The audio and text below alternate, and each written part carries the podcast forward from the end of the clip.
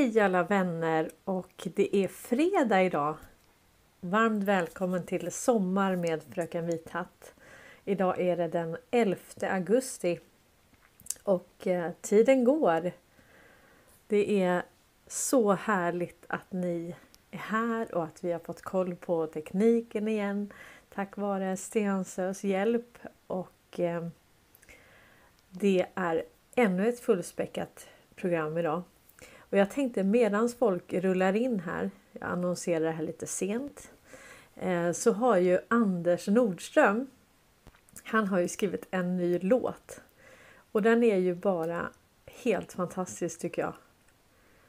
Det här är verkligen folkbildning med eh, takt och ton. Så att jag tänkte att vi, eh, vi kör den. Så kan vi kommunicera lite här i chattfältet.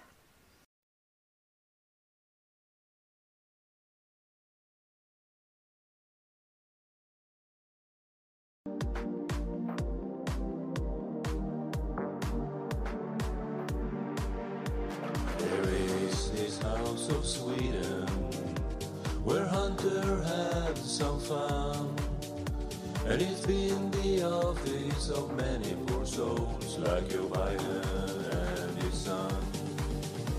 There is a Swedish family, Wallenberg's their name, and they've been the ruin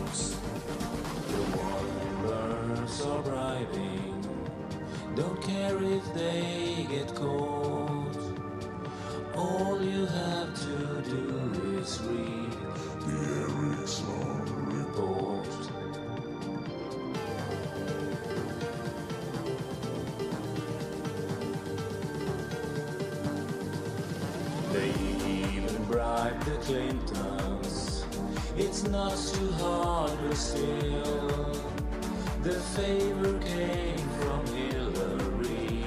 The money went to Bill. The highest paid speech he made, 750k he got. The others blocked outside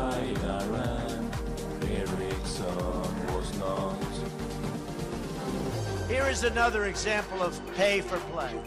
In 2009, a company called Ericsson came under U.S. pressure for selling telecom equipment to Sudan, Syria, and Iran. Hillary Clinton's State Department began adding goods and services to a list that might be covered under expanded sanctions. Ericsson sponsored a speech by Bill Clinton, paying him 750,000, his highest paying speech.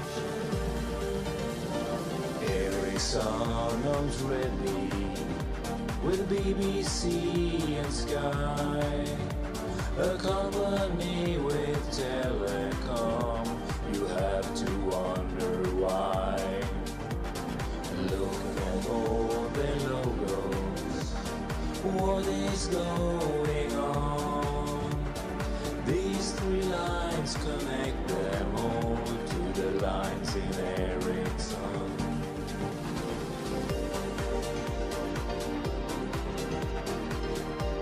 Sweden's a great country. It's small, but it's very sharp. I will tell you, they are very sharp. From both Ukraine and China, they brought home their biolabs. Cause they own AstraZeneca,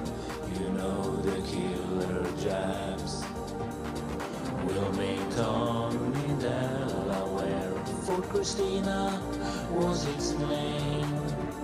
New Sweden was the colony, the Swedes controlled the game.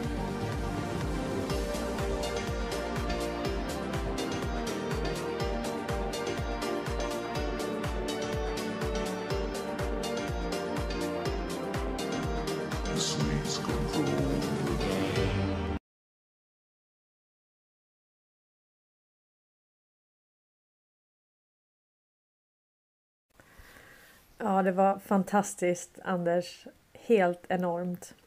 Anders skickade faktiskt ett, eh, ett brev till mig med en skiva med hans musik. Jag har ingen CD-spelare men jag ska lösa det Anders. För jag vill jättegärna höra vad det var du skickade till mig. Och ett litet bidrag. Det var grymt tacksamt. Tack för allt du gör Anders. Det betyder jättemycket. Och eh, det här är ju då... Ja. Det är verkligen folkbildning på vers. Vi har ju många som är väldigt skarpa med pennan som Anna Kammerlid och vi har flera som Magnus och Anders, flera som skriver musik. Och vi har vissa som gör videos och vi har vissa som delar information och är grymma researcher. Och eh, vi kompletterar varandra allihopa. Vi är ett sånt fantastiskt team. Och det är så kul att vara en del av det här.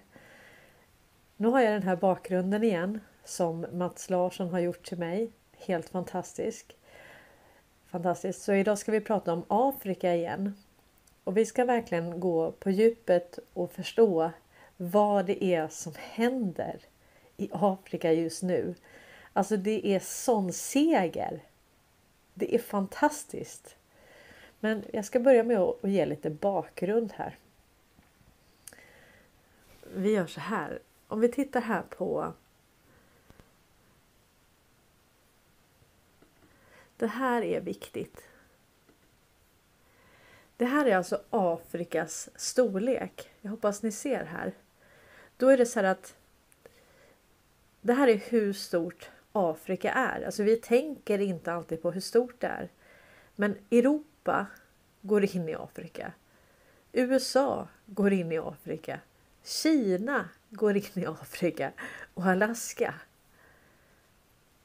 Tänk vilket gigantiskt land! Det är helt otroligt.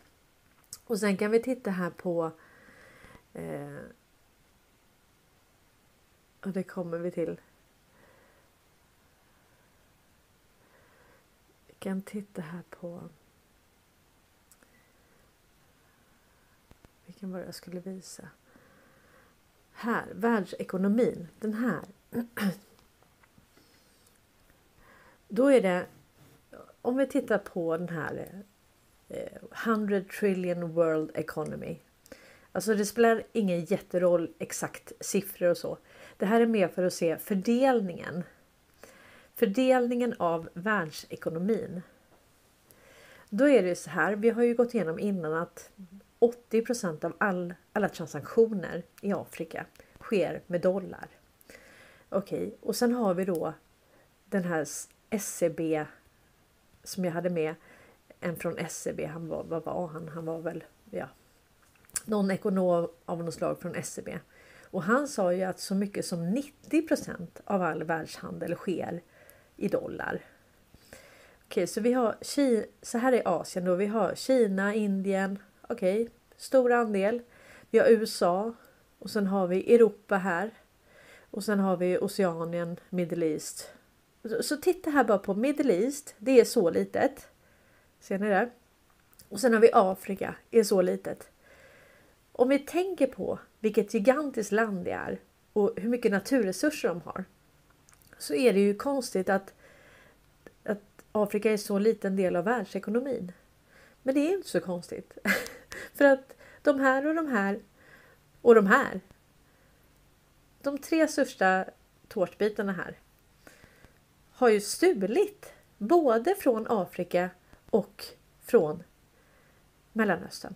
Så de har ju hållit dem nere kan man säga, hållit dem tillbaka. Det här tycker jag, det här ska vi tänka på nu. Och sen la Tatjana Andersson ut ett inlägg här som var jättebra.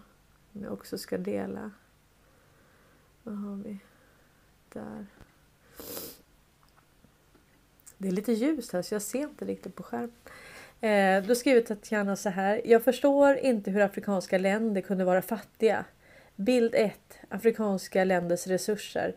Här kan man se varför länder i Europa är rika. Bild 2. Afrikanska kolon, eh, kolonier av västländer. Nu förstår jag varför fler afrikanska länder viftar med, flagg, med ryska flaggorna. Bild 3. Afrikanska länder som har undertecknat militära avtal med Ryssland. Så nu ska vi titta på de här bilderna då. Eh, då är det ju... Här är då naturresurser. Då ser vi att här i norra delen eh, är det väldigt mycket olja. Ja, det är olja lite överallt här. Och sen har vi guld, vi har te, vi har kaffe, diamanter. Så allt det här är ju helt... Jag menar, tänk vad rika! Vad rika de skulle kunna vara om de skulle kunna få behålla det här själv och ja, sina naturresurser.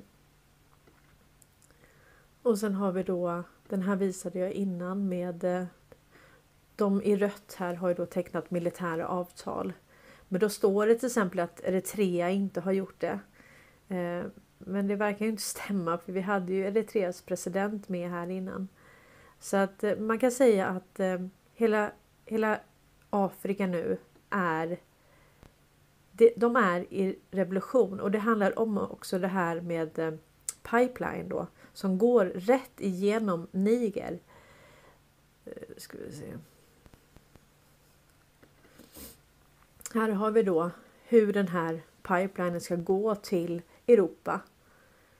Så om vi tänker på eh, den sprängda pipelinen i, i Östersjön och så tänker vi att de nu säger så här. Nigeria och Niger de här säger nej men vi.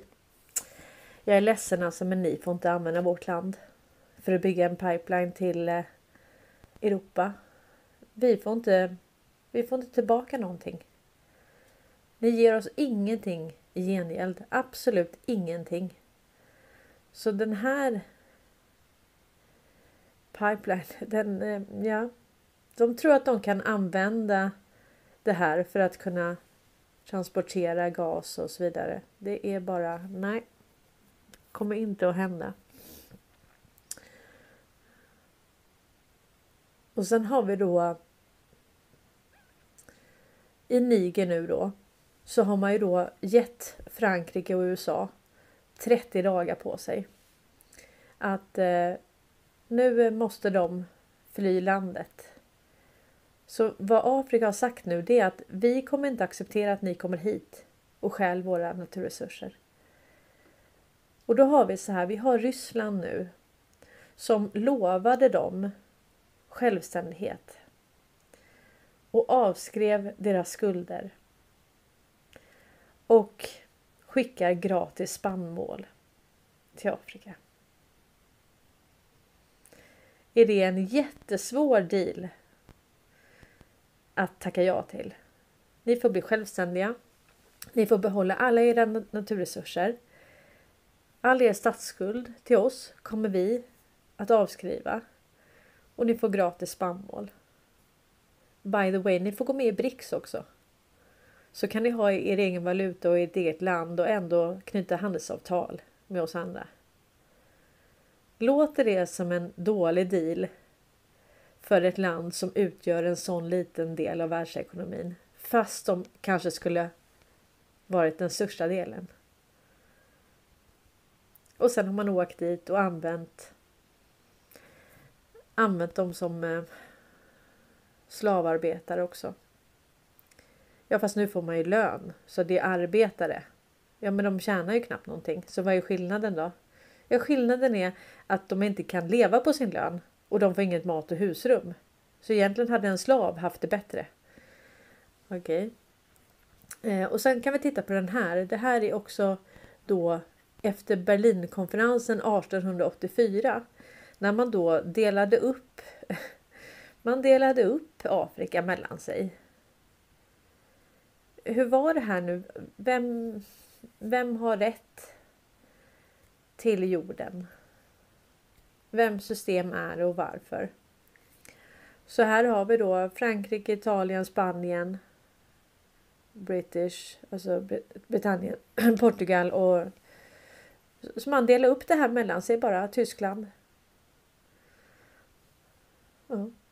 Så 1884 så tyckte man att man hade rätt att dela upp en världsdel. så gigantisk som Afrika. Och bara lägga rabarber på all, alla deras naturresurser. Och använda folket som slavarbetare. Jag tänkte vi ska titta på ett klipp här från, jag tycker han från Redacted. Jag kollar på dem ibland, jag får ni skickar ofta det till mig, jag hinner inte alltid. Men det här var om Afrika och jag tyckte att det var väldigt, väldigt slående. Sen mot slutet så gör han någon reklam för, eh, jag vet inte, något företag och så. så mm, och det haltar lite. Men, men just det här han sa, det här tror jag är sant och jag tror att det här, jag tycker att det här var väldigt slående.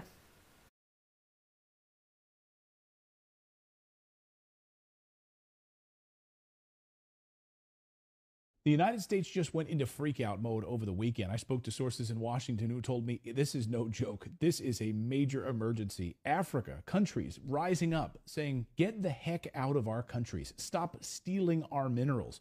If you're an investor, this could be an amazing moment. I'll show you more about that in just a moment. But first, many of our Western leaders are freaking out because stuff is about to hit the fan. The dominoes are starting to fall. This weekend, we saw dramatic developments all across Africa. Russian flags being raised in the air throughout the continent. First to Niger, the country that started it all. Russian flags everywhere. And according to France 24 News Service, the government of Niger has now signed a contract with the Russian Wagner Group for security. Yes, Wagner forces in Africa going to protect Niger. And they need it because the coup in Niger has entered the point of no return the people rising up against French and United States influence. The Western powers that have controlled Niger for decades are being pushed out. And this weekend, the military leaders now say that Niger will no longer be a European colony. We're done with that.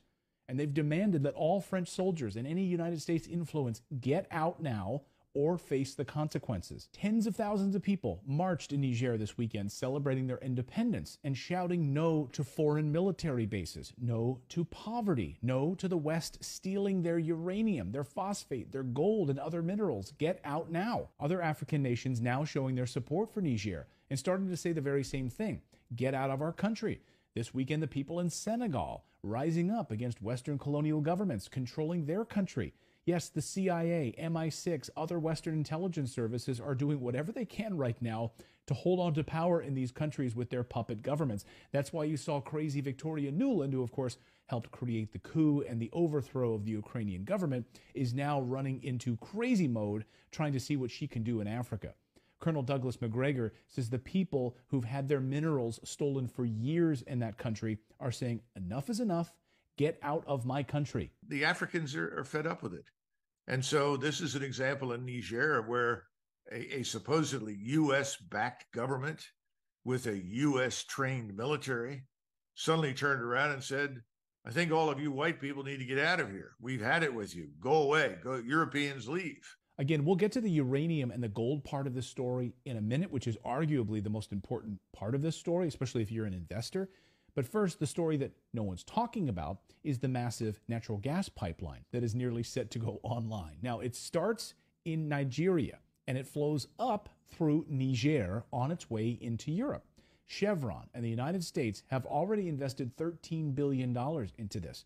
And after the Nord Stream pipeline destruction, Chevron stepped up production to get this pipeline up and running. And now the people of Niger are saying, wait a second, why are we going to allow a pipeline to flow right through our own country into Europe. You are doing nothing for us, and yet you continue to steal from us. So sorry, no more pipeline. This is why Europe is terrified this morning. And it was always going to be a very cold and dreary winter because of the natural gas destruction of the Nord Stream pipeline. This winter could be even worse now if this pipeline is not allowed to go into action in Africa. Niger is saying, sorry, you're not going to use our country to transport your natural gas into Europe. Get out of here. Get out now. Europe is facing catastrophe with no Nord Stream pipeline coming from Russia. The African pipeline was their salvation. And then add into it uranium and Europe's nuclear power. The United States gets over 50% of its uranium from Russia. Despite all the sanctions of the United States has placed on Russia, they left uranium off the list. Why? Because the United States is so heavily dependent on Russia for uranium that Putin could literally flip the switch and literally destroy the American economy by turning off the lights. Think about that for a minute. They sanctioned the hell out of Russia for everything else. But oh, we need your uranium, so we won't sanction that. Just keep sending it to us. They could turn off the lights with a flip of a switch. And now Niger, the French, the United States have essentially been stealing uranium from these African countries for decades. And again, these countries are saying enough is enough. We are sovereign countries here in Niger, in Senegal, and in Guinea, and we are going to keep our own minerals, make our own decisions. And Russia is giving them that option. They had the big African summit in St. Petersburg last week. And Vladimir Putin in Russia said, We want you to keep your own sovereignty. Oh, and by the way, we are also going to wipe away all of the debt that you owe us. Billions of dollars wiped away. Think about that for a second. We're not going to steal from you. You can have your sovereignty, and we're going to wipe away your debt. Sounds like an attractive proposition for some of these countries, right? Not a slave to the West any longer. Listen to RT's Africa Bureau Chief Musa Ibrahim explain how the people of Africa want to gain back their wealth, their minerals, stop giving it away to America and Europe. What people want is to gain back their wealth, the, back their ur- uranium, their gold, their iron, their uh, phosphate, their oil, their gas. And this scares the West because this means the true democracy will take place in Africa when people actually own their own land and the wealth of Africa does not go untaxed, unsupervised from the mines in Niger to the banks uh, of Paris and the financial sector in Britain. He's right. Niger's coup isn't a singular event, but it's actually a larger narrative right now and a pushback against Western neocolonialism. Africans seeking to regain their national sovereignty. Yes, they might be independent, but with a U.S. military base and French military bases here stealing all of our minerals, how exactly are we sovereign? Imagine if China did that to the United States. Oh, yeah, we're America, we're a sovereign nation. But here's Russia and China literally building military bases in our own country. Would we stand for it? No. Africa saying, hey, we are rich in uranium, but we don't get to benefit from the wealth of this mineral because you steal it from us. So guess what?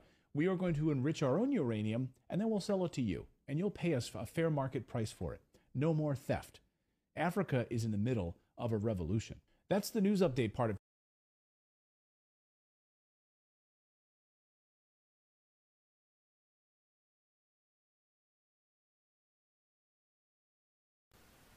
Ja, visst är det spännande. Det här är... Det har verkligen hänt någonting här. Och vad är det som har hjälpt dem att kunna frigöra sig nu? Varför har de ryska flaggor? Kan det vara den konstellation som motverkar det här systemet? Som säger att nej, nu dumpar vi dollarn och vi vill absolut inte ha någonting med ert system att göra. Vi har ett eget system. Jag menar, tänk att kunna samarbeta istället. Nu tänker jag på den här intervjun som Frans och Ståhl hade med med Peter Wallenberg. Där han pratade om Afrika, att de hade ju inte den kompetensen att vara självständiga. Han tyckte inte att eh, han tyckte apartheid var det var inte bra, men hade det inte varit dem så hade det fått vara någon annan som hade för att eh, afrikanerna klarar inte det själva. Så att eh, det här är Tänk den människosynen. Det är det som har gjort. Det är den människosynen som har gjort att man har tyckt sig ha rätt. De har inte mer rätt till den här jorden än vad, än vad vi har. Det var någon som skrev så här att eh, hel, att världen är Afrika, alltså hela världen är Afrika. Och jag tror att du menar så här att eh, vi har alla varit slavar i det här systemet och det stämmer. Det stämmer. Vi har ju som folk inte fått behålla någonting i Sverige. Alltså jag tror att vi är ett av de fattigaste länderna. Alltså majoriteten av befolkningen i väst. Jag tror att vi får minst kvar i plånboken. Det är som Solsidan där de eh, skickar in eh, pengar i eh, i Alltså Kai Vet du en sak? Vet du vad som är jättekonstigt? Du kommenterar så här jättebra om Afrika och hela tiden så kommer det att det är liksom flaggat så jag måste godkänna det här. Du skriver nu intressant att se Afrika som börjar växa som land och innan skrev du också någonting eh, liknande. Och eh, Youtube eh, spärrar dem. Men jag godkänner dem för jag tycker att det är jättebra kommentarer. Men vad lustigt va? Ja du. Helt otroligt. Ja, nej det här är fantastiskt och eh, ja. Nu reser sig Afrika.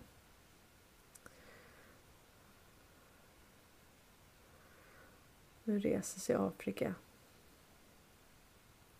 Jag tänkte vi skulle lyssna på ett, eh, ett klipp till här med McGregor. Han var ju med i det här och han...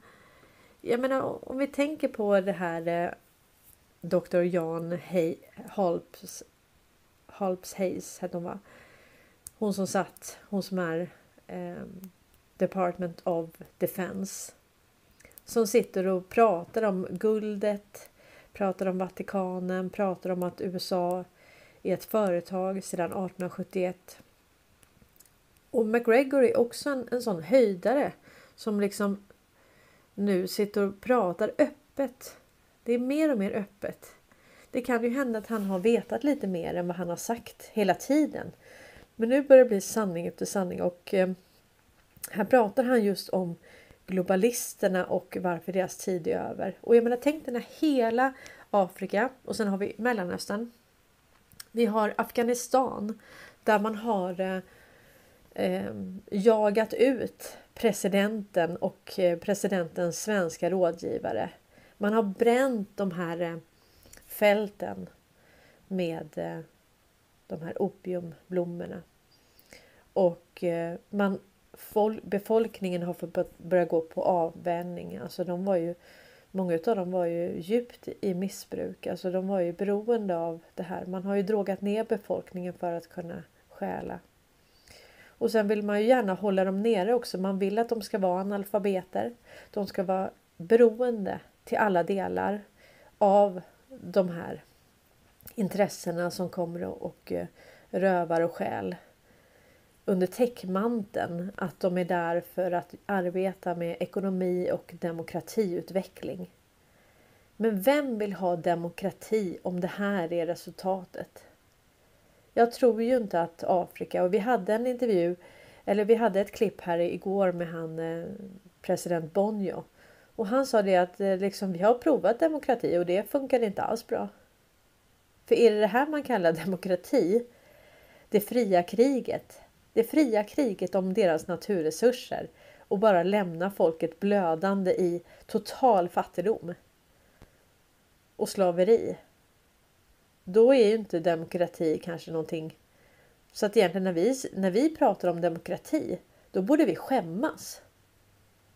Kolla på resultatet över hela världen. Alltså nåde den som tar det ordet i sin mun. För demokrati som de menar det, som väst menar, det är ingenting som omvärlden är intresserad av. Den har bara inneburit att väst har varit och, och skält och förgört deras länder så jag tror att vi behöver ett nytt ord för demokrati är någonting som många av de här länderna har prövat och eh, nej tack. Ukraina. Vi har ju haft våra tre musketörer nere där. Bildt, Eliasson och Persson kommer ner till Ukraina och eh, ska hjälpa dem med ekonomi och demokratiutveckling. Och det har väl aldrig varit så korrupt eller fattigt som efter de hade varit där. Och så blev det en statskupp också. Som gjorde det ännu värre för befolkningen. Så demokrati, det, det är nog någonting vi ska... Jag tror att vi ska vara lite återhållsamma med att använda ordet demokrati. För vad har det resulterat i? All makt utgår från folket, det vill säga det finns inte mer. Kaputt. ut ur lagret. Tänk på det. Demokrati om du åker till andra länder, det är nog ingenting vi ska kanske prata om i någon positiv bemärkelse. Jag vet inte, men det är bara mina tankar. Nu ska vi lyssna på McGregor.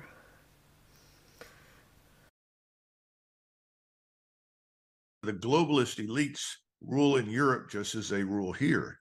And they've all gotten where they are with the aid and assistance of enormous quantities of money because the people that control your financial markets and financial institutions, the people that control your mainstream media, they now control your governments. And they don't represent the interests of any of the Europeans, and I would argue of most Americans. They represent their own interests, and their agenda is to destroy Russia. Now, why? Well, they'd like to replace Putin because Putin presides over the last major power in Europe, and it is part of Europe, that has uh, a national identity, a national language, a national culture that Mhm. rests on the foundation of Orthodox Christianity. That makes Russia the enemy of the globalists. What have the globalists done to us? What have the globalists done to the people in Western and much of Europe? Well, they've flooded our countries with non Europeans with the specific goal of diluting us, weakening us, destroying our national identity, eliminating our national culture, certainly expunging any remain uh, remaining power that Christianity may wield culturally inside the West. And they want to do that to Russia because Russia has a bonus resources, enormous resources, mineral resources, agricultural resources, and obviously oil, gas, and many other rare metals. These things are also at the top of the agenda. So, if you can destroy the Russian government, if you can remove Putin, if you can get into Russia, you can strip it of its resources and enrich yourself that much further than you've already done by your behavior over the last several, I would argue, decades. So that's where we are. And that's why Russia has to go. Russia's holding out.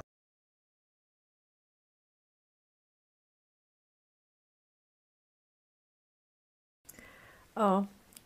Alltså ni skriver så bra saker nu. Jag måste nästan ta några. Eh.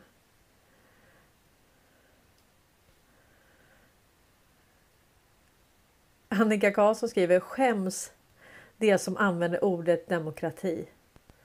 Det kommer bli så. Det kommer bli en skampelare. För vad var det? Vad kommer det förknippas med? Slaveri, det här systemet, den här illusionen av att vara fri. När vi inte ens är fria.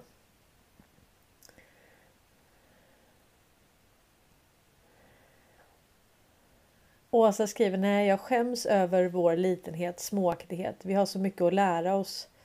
Vad skriver du nu? Eh, lära oss. Så heja Afrika och därmed kan vi läka tillsammans. Men tänk att man eh,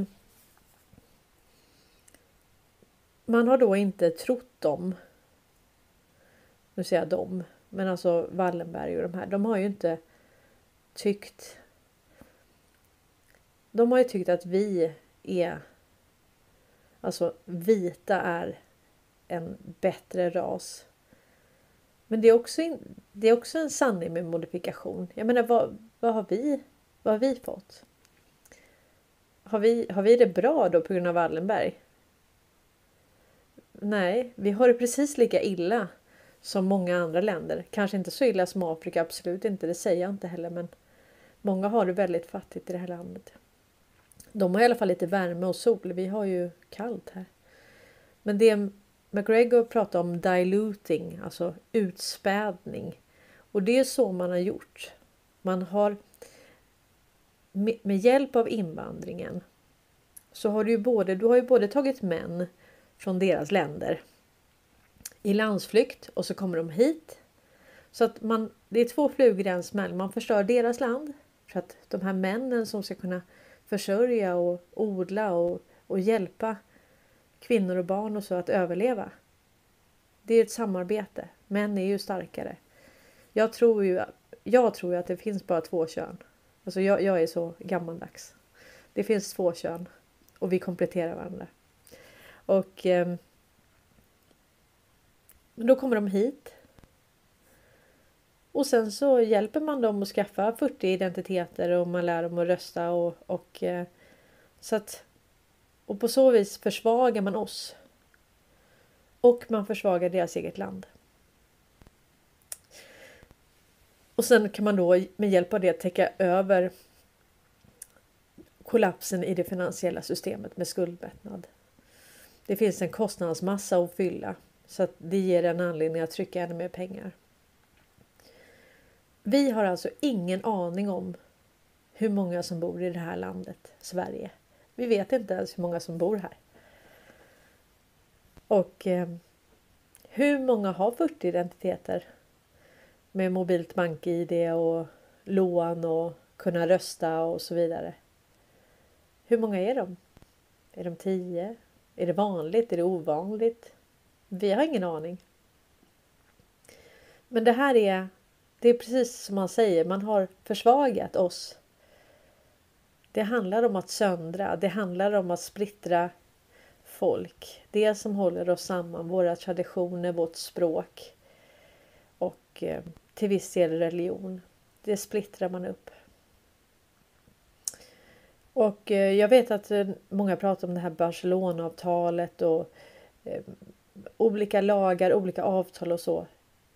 Ja, alltså hela tanken var härska genom söndring. Det är inget konstigt. De försökte förstöra och religion är skapat för att kunna kontrollera människor, för att kunna söndra och för att kunna härska. Och när folk förstår, när vi alla förstår hur de har lurat oss via religion och alltså hur de har kontrollerat oss på olika sätt. Då tror inte jag det kommer vara så jätteintressant längre med vissa religioner. Man får tro precis på vad man vill, men det här har ju använts som en, ett maktmedel. Och det var någon som skrev också om det här med eh, ja, det var någon som skrev här om en teknokrati och så. Men, och tanken var ju en teknokrati. Man kan säga att vi hade en teknokrati, i alla fall i, i Sverige. Vi hade ju ett, ett finansiellt system som var, som var kittet liksom. Du hade ju alla de här... Eh, du har BIS på toppen. Bank of International Settlements och sen har du alla de här Rothschild kontrollerade riksbankerna.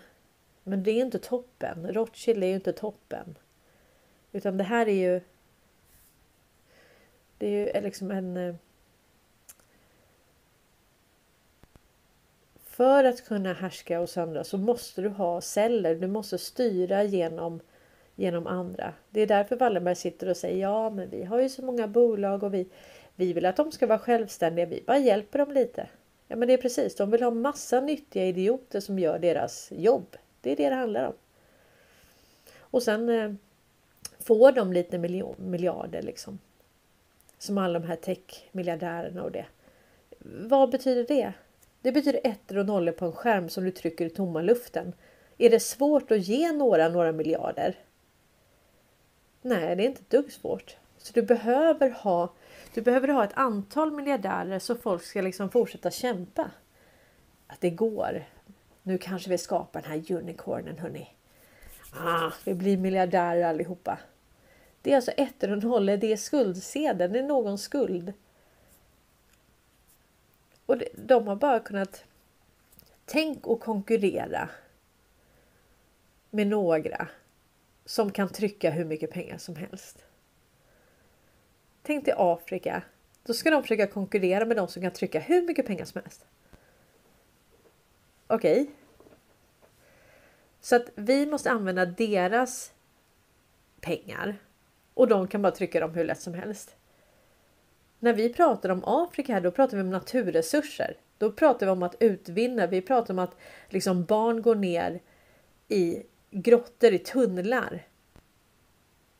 Ta det kontra att trycka ettor och nollor på en skärm. så det blir orättvist. Du kan aldrig vinna mot några som kan skapa hur mycket som helst av betalningsmedlet. Tänk att du hittar guld och så hittar du hur mycket guld som helst. Du blir rikast i världen. Ja, men de här har ju bara uppfunnit pengar och blivit rikast i världen. Alltså det är så smart. Alltså varför tänkte inte vi på det här? Det här är ju genialiskt. Vi kan ju bara skapa hur mycket pengar som helst och bara ta kontroll över alla och alla är vår, vårt slavarbete. Fy. Nej, det är. Det är en sån bluff hörni. Känner ni det? Det är en sån bluff. Och liksom vad, vadå, vadå teknokrati? Tänk dig när hela Afrika. Alltså. Jag måste bara visa den här igen för den var så bra. Jag var så glad att jag hittade den för jag försökte hitta den eh, här om eh, ja, när jag gjorde om Afrika sist, men då hittade jag inte den. Eh, men nu hittade jag den. Alltså. Tänk det, det här. Tänk dig när de här folk, alltså när hela den här kontinenten gör uppror och säger så här. Okej. Okay, get out of here. Stick bara. Ni kan ta eran ekonomi och demokratiutveckling. Ni kan ta era pengar också, för vi ska vara med i BRICS. Och eh, vi tycker Putin är bättre. Jag såg ett klipp om att eh, Obama och de hade ju sanktionerat Afrika om de inte accepterade eh, ja, äktenskap, alltså homosexuella par som gifte sig. Och de menar på att vi, eh, vi är kristna här och vi tror inte på det. Det tror inte Ryssland på heller. Och bara för att de inte ville det så sanktionerar man dem. Och vad är det? Åker och sanktionerar hela världen. Gör så här. Skaffa en riksbank. Eh, ta in FN. Gå med i WHO. Börja tvångsvaccinera alla barn. Så annars så fryser vi era bankkonton. Och varför kan man göra det? Jo, men det kan man göra. 80% av alla transaktioner minst skedde ju i dollar. Jag tänkte jag skulle visa här på. Det här är faktiskt. Eh, nu är det här inte så aktuell, men den är från. Eh, ska se. 30 april 2023. Och det här är faktiskt eh, den svenska valutareserven. 63% av våra pengar också är US-dollar.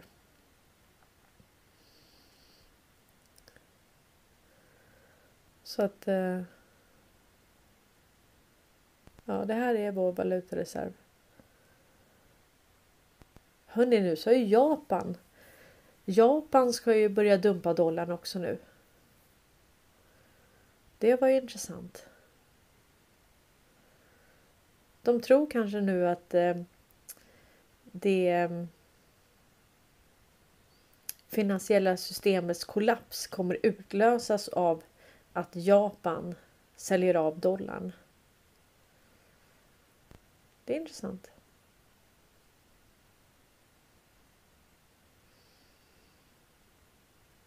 Ja, precis. Uh, ja. Vi får väl se vad det är som händer, men det är, det är väldigt spännande. Här var någon som gjorde en väldigt trevlig bild. det här är utanför Arsenalsgatan 8C som jag har med i introt också. Och sen har vi då Trump som har den djupa statens kärna i, i en liten ask i en liten burk. Kai skriver Hej då eh, petrodollar Fiat Money. Ja precis. Fiat money det är ju det att det är inte backat av någonting. Och man kan säga det var ju sen 70, 71, 72 där när man gick av den här guldmyntfoten, Bretton Woods systemet. Och nu som Cervenka sa. Nu är vi ju. Nu är det skuldmyntfoten istället. Så från guldmyntfoten till skuldmyntfoten. Jag blev ju bara så sur att det, att det inte var jag som kom på det där. Jag tycker det var så himla så himla klockrent. Guldmyntfoten till skuldmyntfoten. Och nu fattar jag att det kommer bli liksom en... Eh, det måste inte vara guld utan det kan vara olja, det kan vara silver. Det, utifrån vad länderna har så kan de backa med olika råvaror. De skulle kunna backa sin valuta med diamanter eller vad de nu har som är värt någonting. Så att eh, råvaror kan backa, men det blir i alla fall en koppling till någonting. Det kommer inte gå igen att eh, bara trycka pengar ur tomma luften och sanktionera hela världen och säga att nu måste ni använda dollarn för alla era transaktioner. Och då räcker det inte att säga petrodollarn för att vi pratar alltså att 90% av all världshandel har skett i dollar. Och 63 av svensk eh, valutareserv är i dollar också. Så att jag tycker den här och det här är också fantastiskt. Tänk, det är vissa som gör såna här med eh, mims och eh, det är vissa som gör musik. Det är vissa som skriver texter. Det är helt otroligt vad kreativiteten flödar för att kunna folkbilda. Man brukar säga att en bild säger mer än tusen ord. Och det är ju helt, helt sant.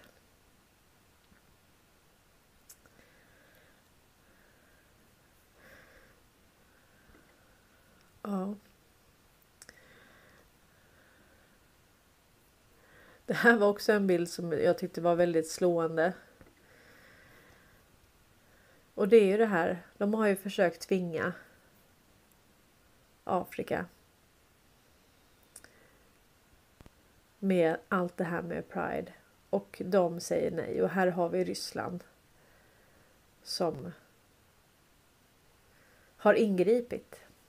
Och har gett dem en bakdörr. Och har sagt till dem att nu. Nu får ni vara suveräna. Vi kommer inte komma hit mer.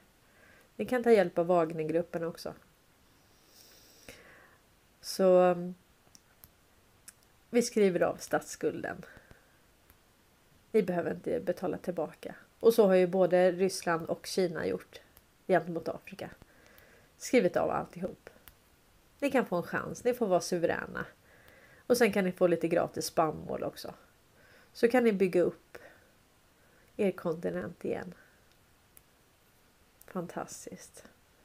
Känner ni vilket skifte vi är i? Och det är fredag. Och det är, idag kommer det alltid, det kommer komma någon nyhet idag. Och det var vissa som skrev så här, ja men eh, det här med 10 days of darkness. Ja, eh, vi har inte sett, vi har inte sett någon shutdown. Så det kanske inte var nu, vi vet inte. Jag vet inte exakt vad shutdown betyder. Jag vet inte exakt vad det är som kommer slås ut i sånt fall. Jag vet inte om det är el, om det är internet. Men eh, det handlar ju också om det här med överraskningsmoment. Så att eh, Åh, jag har en intressant sak till som jag höll på att glömma, men det kommer jag hinna. Eller hinna, vi, vi kör på idag. Men det här hörni. Ni kommer ihåg att vi pratade om eh, när vi pratade om naturresurser. Vi pratade om kärnvapen. Vi pratade om det här avfallet. Kommer du ihåg att vi pratade om avfallet? Att det kanske inte ens är ett avfall. Och om vi säger att de har skickat, de har varit tvungna att skicka det till Sverige. Så kanske det har använts gång på gång på gång. Vi vet ju inte att det bara ligger lagrat. Vi vet inte om det används eller inte. Men det verkar som att omvärlden också har kommit på att det här är nog inget avfall. Så man kan säga den blåsningen som Sverige har gjort. Eh, den kanske inte var så väldigt bra. Alltså den är inte toppen om folk kommer på att det är en blåsning. Och nu verkar det som att det är rätt många som har kommit på att det här avfallet kanske inte är ett avfall. Liksom. Och då är det inte risk då att de blir lite arga på Sverige nu när vi pratar om det här med naturresurser, vi pratar om hur man har blåst hela världen. Och här har man alltså, man har sålt det här kärnbränslet. Och sen har man väl på något vis kanske, jag vet inte, tvingat de här länderna att skicka tillbaka avfallet till Sverige. Så säger de så här, det är lugnt hörni. Det är lugnt om världen. Vi tar hand om avfallet. Vi förstår att det är en väldig uppoffring. Det är en väldig uppoffring från vår sida. Men vi är ju en humanitär stormakt. Så vi tar tillbaka det här kärnavfallet. Det, ni, ni behöver inte tänka på det. Ni får bara stå för frakten också. Nej, jag vet inte. Men vi ska lyssna här. Det här var ju fantastiskt. För er som vill skärminspela så tänker jag så får ni se bara den här för att den, den här är riktigt, riktigt bra.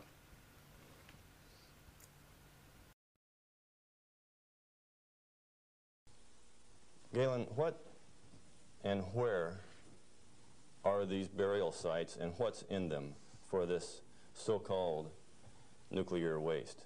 I've been hearing stories about stainless steel containers buried in concrete under the ocean, boiling for over 2,000 years. That, sound, that sounds like a real story. Uh, let me start out by saying there are no nuclear waste, only materials created in a reactor to be recovered and used beneficially. Now, high-level waste is radioactive and self-heating. And so fuel, uh, reusable uranium fuel, fits that definition. But if you disregard its intrinsic worth, why then, yeah, it would fit the definition of high-level waste. But let's say there isn't any high-level waste, only material to be recovered and used beneficially. Then what's the low-level waste fiasco? That's an excuse for a federally mandated, non-inspectable disposal system so that organized crime can get rid of any evidence that they want and it can never be dug up again. They're afraid to look in there. Not afraid. They don't want you to. They've got rules on the transport so that if you have an accident with a low-level radioactive waste shipment, why you call out all of the state police and you make sure that nobody looks at it, that nobody gets exposed, that there's no spreading of the contaminated material. And it's also that you don't find out whose body's in that drum. The situation got so bad that uh, the smell of human flesh was so great that they made it so that you could ship animal biological waste in refrigerated vans so that it wouldn't stink up before you got it buried.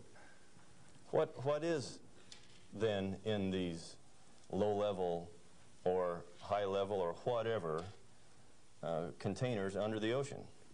Nothing. But if you see, they were one time dropping uh, barrels of radioactive waste off barges in the ocean. Do you know what was in them? Not high level self heating radioactive waste.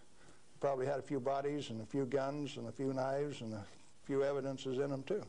If you drop them in the ocean, they are truly disposed of.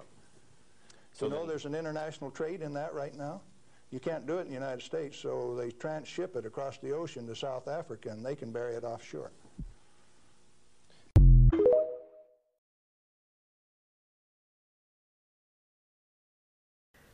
Ja.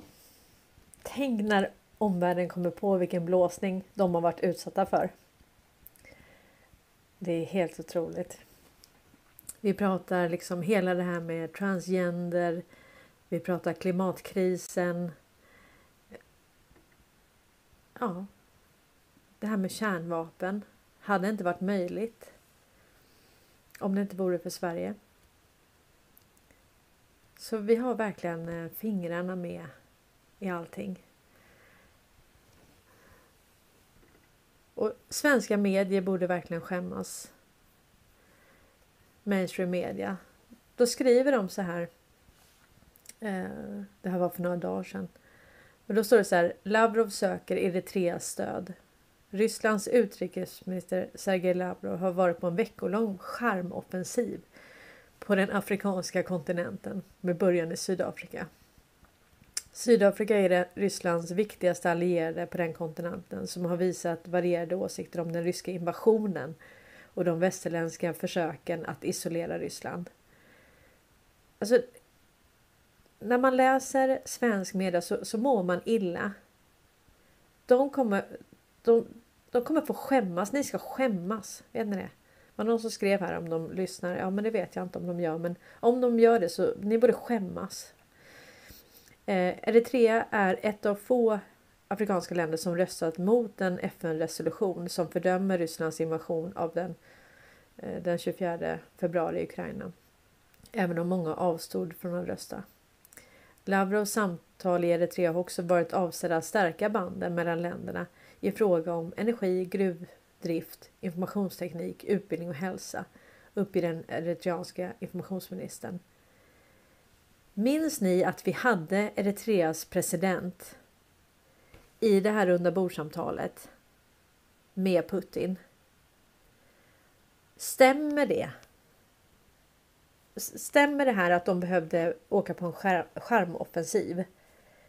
När det var deras egen president som satt och sa att nu får det vara slut. Ja, ni minns, det var ju sånt gripande tal. De ljuger ju rätt av. Svensk media ljuger, ljuger rätt av. Skäms på er. Usch. Och det är därför vi finns. Och vi delar information för att eh, de andra gör inte det. Fast det kommer mer och mer sanning men det här är Tänk vad kul för Afrika. Och jag tänker bara på den här Dr. Alban så här. Hello Africa, tell me how you doing. Och jag kommer ihåg, jag var 1993 i Thailand med min bror, eller med alla mina syskon, men jag och min bror, han är tio år äldre än mig, vi var på ett dansställe.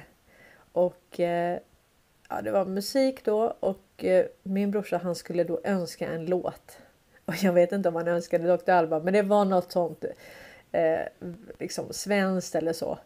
Och ja, det som hände sen, de blev ju så irriterade, de blev så arga. Så de, de drog faktiskt min bror till baksidan och drog kniv mot honom. För att de tyckte att han var dryg och eh, man kan väl säga redan då så var svenskarna inte särskilt omtyckta i Thailand. Det här var ju, ni får tänka på att det här var 1993. Nu har ju då Thailand öppnat sina armar och det handlar ju såklart om, om pengar och så. Men det här är på den här ön, lokala ön där vi var. Där var svenskar inte särskilt omtyckta överhuvudtaget. Och vi skulle minsann inte tro att vi kunde komma dit till deras land och önska våran skitmusik liksom. Nej, det var... Det höll på att gå riktigt illa där. Eh, då var jag 16 år. Jag är ju 46. Så att... Eh, ja. Det är spännande. Jag bara tänker på det där. Så varje gång jag tänker på Afrika så tänker jag på Dr. Alban. Alltså tänk vilken... Ja. Jag tror inte han representerar Afrika om jag ska vara ärlig. Men det vet jag inte. Men vi måste hitta nya, vi måste få nya associationer med Afrika, nya positiva. Och jag tycker alla de här presidenterna som går ut det, alltså den powern, alltså det är den jag vill se. Och sådana som Peter Wallenberg som sitter och pratar massa skit. Eh, det vill vi inte ha. Men hur, hur tvättar vi bort det här? Hur tvättar vi bort den indoktrinering som vi har blivit utsatta för? Som har präglat våra människosyn hur kan vi tvätta bort det? Jag tror att vi kan göra det genom att fylla det med massa nytt. Massa positivt. Massa sanning. Egentligen borde vi kanske alla åka dit. Men det kan bli svårt. Men de har ju inte ens fått en chans. De har inte fått en chans att eh, konkurrera. När du har haft en så mäktig del av befolkningen som har tyckt att vi kan bara åka dit och röva. Nu ska vi röva. Nu ska vi röva. Vi kanske ska avsluta med den rövarvisan. Vore inte det kul? Det är faktiskt också Anders Nordström. Men den här, oj, Oj. Den hade ju passat väldigt bra tycker jag. Vi ska se. Vad skriver ni? Det hade väl varit lite kul.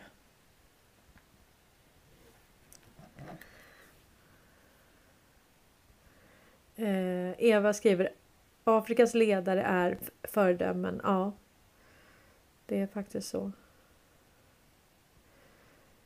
Ja, precis. Och, och det sa faktiskt eh, SG Anon igår. Han, han sa det att vi, vi sitter ju, vi är ju alla på ett skepp. Och det här skeppet, det rasar nu. Alltså det, det, det går under. Så att det är det som är problemet i och med att det här är ett slutet system som vi alla är en del av.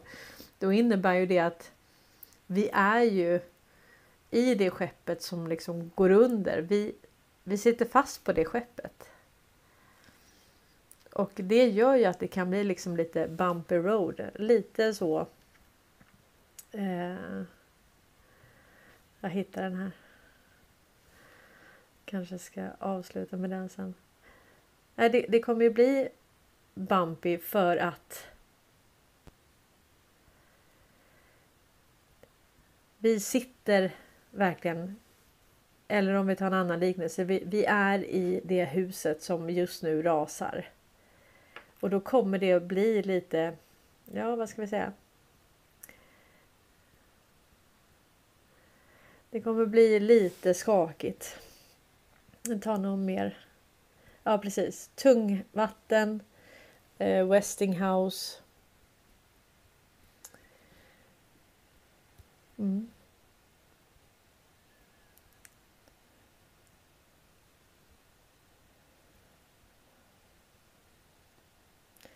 eh, Gudrudur Olafsdottir. Hon säger fylla det med medmänsklig kärlek. Ja, precis. Det är... Vi måste...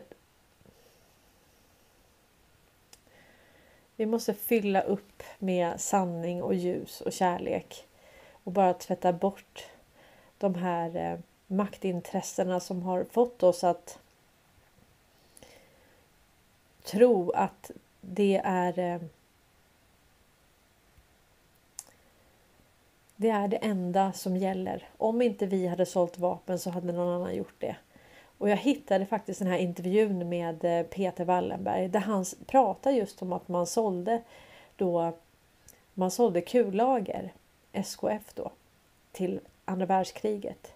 Och då var det verkligen så att ja, men om inte vi gjorde det då skulle vi inte fått någon järnmalm eller då kunde vi inte sälja eh, ja, så jag ska spela upp det också för, det, för det, här ser man hur de här budskapen har man bara repeterat, repeterat. Till slut så blir de sanna. Så vi, eh, vi, vi, är offer för en eh, programmering. MK Ultra, liksom. Vi har blivit indoktrinerade. Så många av de tankar som vi tänker, som vi tror att ja, men det här är våra egna tankar. Det kanske inte ens är våra egna tankar. Det behöver inte alls vara våra egna tankar utan det är tankar som har planterats där utifrån en begränsad kunskap och en begränsad världsbild. För om du ska röva så får du ju inte känna med, med dem du ska röva. Du måste verkligen tycka att de... Ja, du måste verkligen tycka då att det här att de är mindre värda. Annars så kan man inte göra så. Men vi återtar det nu hörni. Det är helg, det är fredag och det är fantastiskt. Vi får ha en jättehärlig helg allihopa. Ja, Stefan Silverkropp skriver Stockholmssyndrom. Ja, det är faktiskt många som man ser att de uppvisar det. Det finns eh, verkligen de som ja, har Stockholmssyndrom. Man, vill, man vågar inte för man vet inte vad som väntar istället. Men eh, idag ger vi all vår kärlek till Afrika. Och eh, tänk att det var de som var de som reste sig upp. Men de har ju absolut ingenting att förlora. Att tro att svenskarna ska ställa sig upp först Ah, det är nog tveksamt va. Vad ska grannen tycka? Men de som absolut är på botten och inte har någonting att förlora, de ställer sig upp nu och de gör det med en väldigt stark partner. Ryssland. Tack så mycket. Ja, inte bara Ryssland såklart, utan hela den konstellationen som motverkar den djupa staten. Nu får ni ha en jättetrevlig helg. Vi ses igen imorgon klockan 12 om ni vill. Tack till er som delar, gillar, stöttar den här kanalen. Ha, nu kör vi Anders Nordströms rövarvisa. Det här är ju vad Sverige har varit. Ha det gott nu allihopa. Hejdå!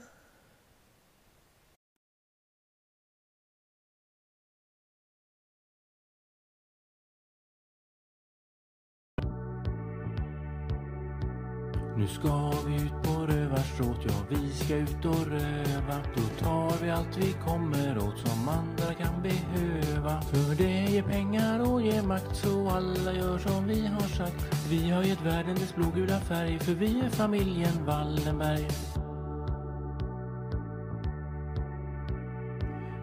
Aldrig Oskar starta bank som vi har kunnat styra. Det blivit många goda år, för andra blev de dyra. Och fast vi alltid gjorde rätt, vi åkte dit för penningtvätt. Vi har gett världen dess blågula färg, för vi är familjen Wallenberg. För att få det som vi vill ha det kräver att man ljuger. Ibland så går vi längre som att döda Ivar Kryger. Och flera av hans företag är viktiga för oss idag. Vi har gett världen dess blågula färg för vi är familjen Wallenberg. Det lägde IG-farben som drev flera arbetsläger och alla som vi körde dit blev av med sina kläder. Och när de in i duschen gick var tandguldet en del vi fick. Vi har gett världen dess färg för vi är familjen Wallenberg. The Wallenberg family is a prominent Swedish family, Europe's, and perhaps the world's most powerful business dynasty. The companies in the Wallenberg sphere include world-leading telecommunication multinational Ericsson, world's largest stock exchange company Nasdaq, world leader Men efter kriget blev det tufft för då kom Boschaffären. De hade hittat något som kunde hota karriären. Vi räddades i alla fall av alla då John Fosterdahl. Vi har gett världen dess blågula färg för vi är familjen Wallenberg. Vi har AstraZeneca, du vet covid-vaccinen. DNA röster och från apor och från svinen. För oss är inte det någon risk för du blir aldrig någonsin frisk. Vi har gett världen dess blågula färg för vi är familjen Wallenberg. Och när du tjänat pengar som du sedan ska placera Då handlar du på våran börs som vi kan kontrollera. Där har vi skapat en option som blåser dig på någon miljon. Vi har gett världen dess blågula färg för vi är familjen Wallenberg. Vi kontrollerar Ericsson som hör vad alla säger. Och faktiskt hela internet som körs på våra grejer. Och om bra så har vi snott det samma dag. Vi har gett världen dess blågula färg för vi är familjen Wallenberg. Wallenberg,